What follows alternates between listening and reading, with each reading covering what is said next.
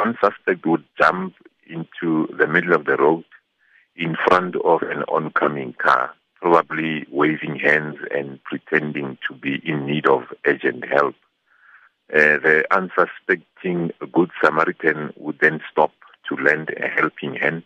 And moments later, another suspect would emerge from the bushes next to the road and they would then take over control of uh, the motor vehicle.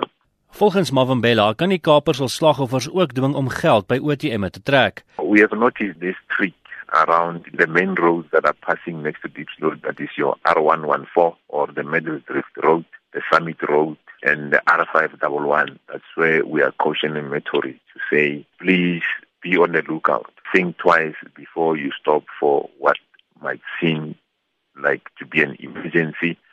Before you stop, think about what we are telling you. Make a proper analysis of your surroundings because most likely these people would target areas that are more isolated. They wouldn't necessarily do it on areas where there is congestion.